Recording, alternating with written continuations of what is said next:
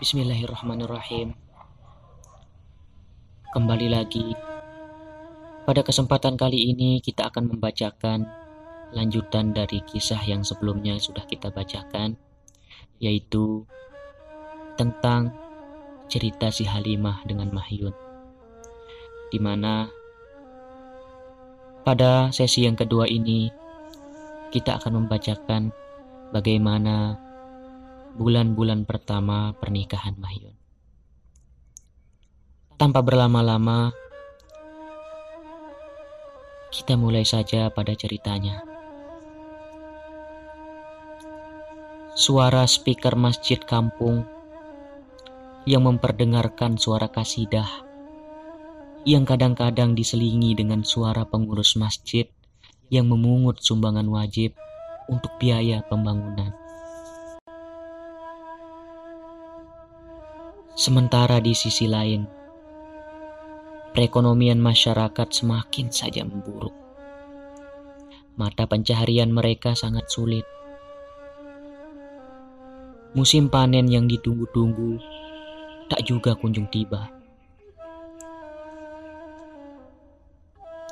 Sementara pengurus masjid setiap hari terus mengumumkan agar masyarakat segera melunasi pungutan wajib berdasarkan kelas ekonomi masing-masing. Keluarga yang sedikit memiliki penghasilan lebih dipungut dengan jumlah 200 ribu rupiah. Sementara kelas ekonomi menengah dipungut sejumlah 150 ribu rupiah. Dan kelas ekonomi masyarakat rendah dipungut dengan jumlah 100 ribu rupiah. Jumlah itu sangat berat di tengah masyarakat. Berhubung mata pencaharian masyarakat belum ada saat itu. Mereka hanya bisa menunggu musim panen tiba. Tetapi masyarakat mau tidak mau harus membayar. Karena takut dan malu jika namanya disebut melalui corong speaker di setiap pagi. Hal itu cukup memberatkan masyarakat dengan kondisi ekonomi yang sulit. Sementara para tokoh agama dan masyarakat ingin bermegah-megahan dalam membuat rumah Tuhan. Sementara masjid-masjid dan surau-surau tidak pernah penuh untuk sholat berjamaah. Ya, lebih banyak tiang dibandingkan dengan jumlah sab sholatnya.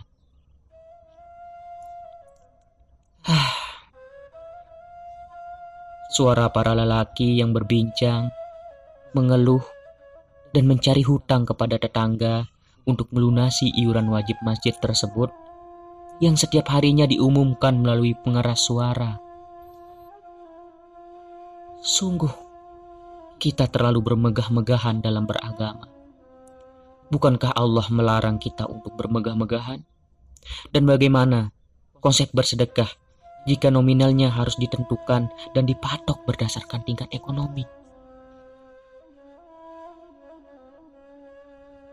Hari-hari terus berganti seolah tanpa bosannya.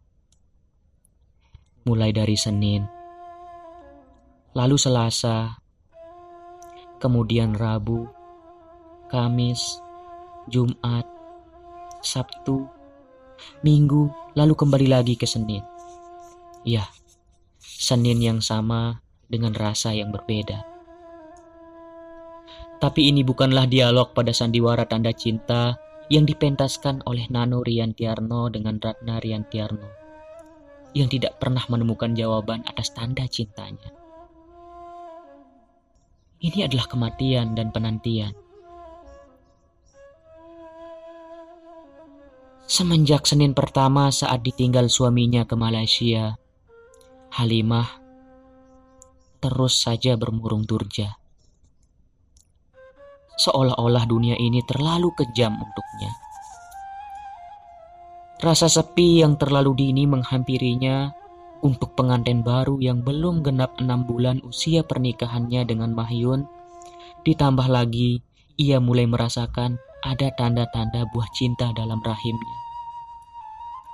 Membuat kehidupan ini menjadi semakin berat. Ya, buah cintanya dengan Mahyun. Tanda-tanda kehamilannya itu yang selalu menguatkannya dalam menjalani hari-harinya. Hari-hari, bulan-bulan terus berlalu. Namun, penantian dan rasa rindunya Saimah semakin juga membesar. Hingga akhirnya musim panen tiba. Ia harus membawa perutnya yang hampir berusia enam bulan untuk bekerja di sawah-sawah tetangga. Bagaimanapun, ia harus bekerja untuk kebutuhan sehari-harinya. Di samping itu, ia harus menafkahi ibu mertuanya yang sudah semakin tua. Namun Saimah tidak sedikit pun merasa menyesal telah memilih kehidupan dengan Mahyun. Iya, dia telah memilih.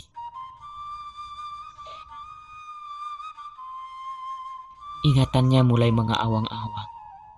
Mengingat masa-masa pertama kalinya ia mengenal Mahyun. Ya, saat itu di acara begawe pernikahan Mami Purna, dia ingat betul di saat lagu-lagu dangdut Ida Laila terdengar dari jauh. Penyanyi dangdut legendaris itu memang sangat akrab di telinga para pemuda saat itu. Di mana budaya gotong royong masih sangat dijunjung tinggi oleh masyarakat. Para gadis-gadis perawan desa bersolek dengan cantiknya. Rambut yang dikepang dengan kain-kain terbaik yang mereka pakai.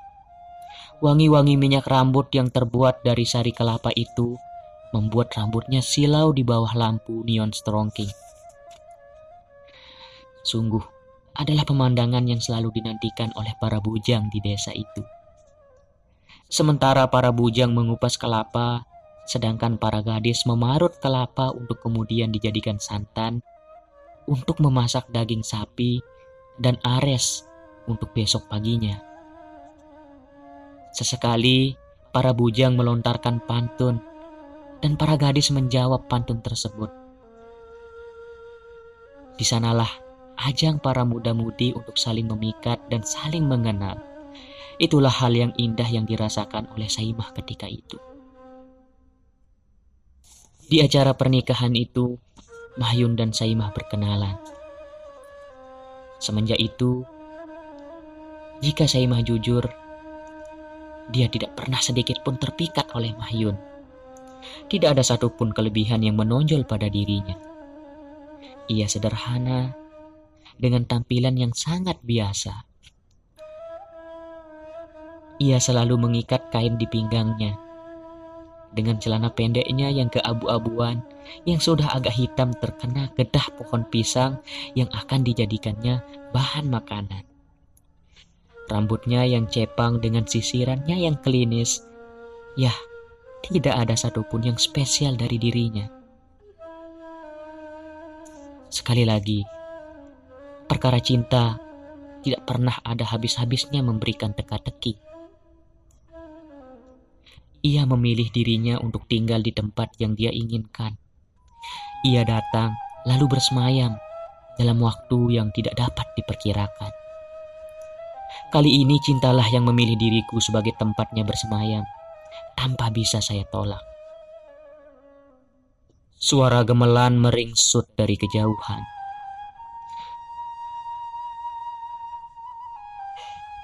Sementara kepalanya belum memberikannya untuk terlelap.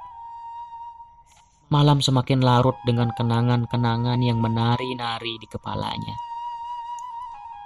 Sementara burung-burung malam bernyanyi seolah membawakan lagu tempo dulu yang merdu. Suara gemelan dari pertunjukan wayang dan juga suara orang membaca takapan rengganis hingga pagi menyingsing. Ya, musim panen telah tiba. Sekaligus menandakan bahwa musim menikah juga sudah tiba. Para pemuda lajang dan gadis perawan banyak yang melangsungkan pernikahan pada masa-masa itu. Dalam hatinya Saimah membeku, mengingat masa-masa indahnya saat bersama suami tercinta. Hingga tak tersadar, Air matanya selalu basah di setiap malamnya. Dan mengering terbawa malam hingga pagi. Siapa yang mengira bahwa pernikahannya dengan Mahyun akan menjadi seberat seperti sekarang ini? Kedatangan surat dari sang suami akan membawa semangat baru dalam diri Saimah.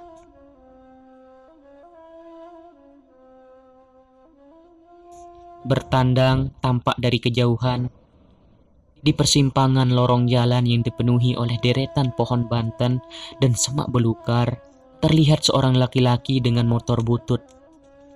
Anak-anak berlari-lari mengejar motor tersebut karena saat itu memang tidak banyak motor yang pernah masuk ke dalam kampung pagi yang cerah dengan langit yang kebiruan.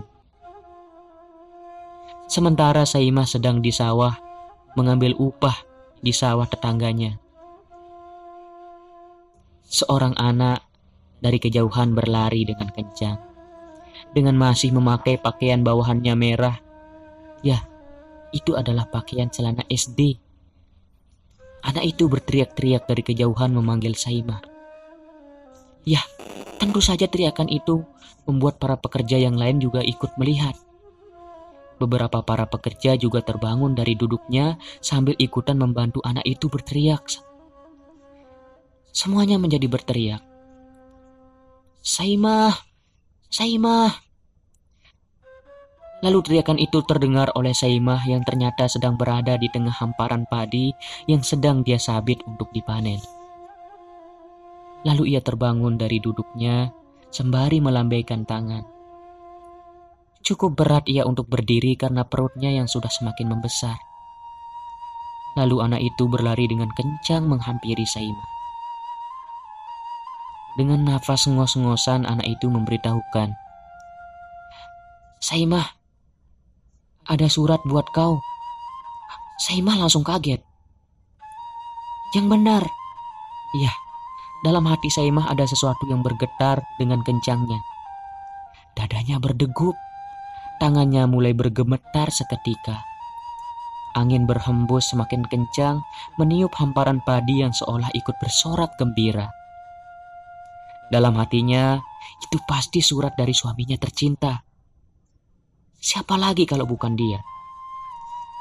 Ia melempar penutup kepalanya dan dilepaskannya sabitnya begitu saja. Ia berlari tanpa menghiraukan apa pun. Sesekali kakinya masuk ke lubang tanah yang mulai retak oleh panasnya musim. Akhirnya ada kabar dari penantiannya yang selama ini ia tunggu. Ia tidak pernah berharap ada kiriman uang dari suaminya. Ia hanya berharap suaminya mengirimkannya kabar bahwa dia sampai di Malaysia dengan selamat.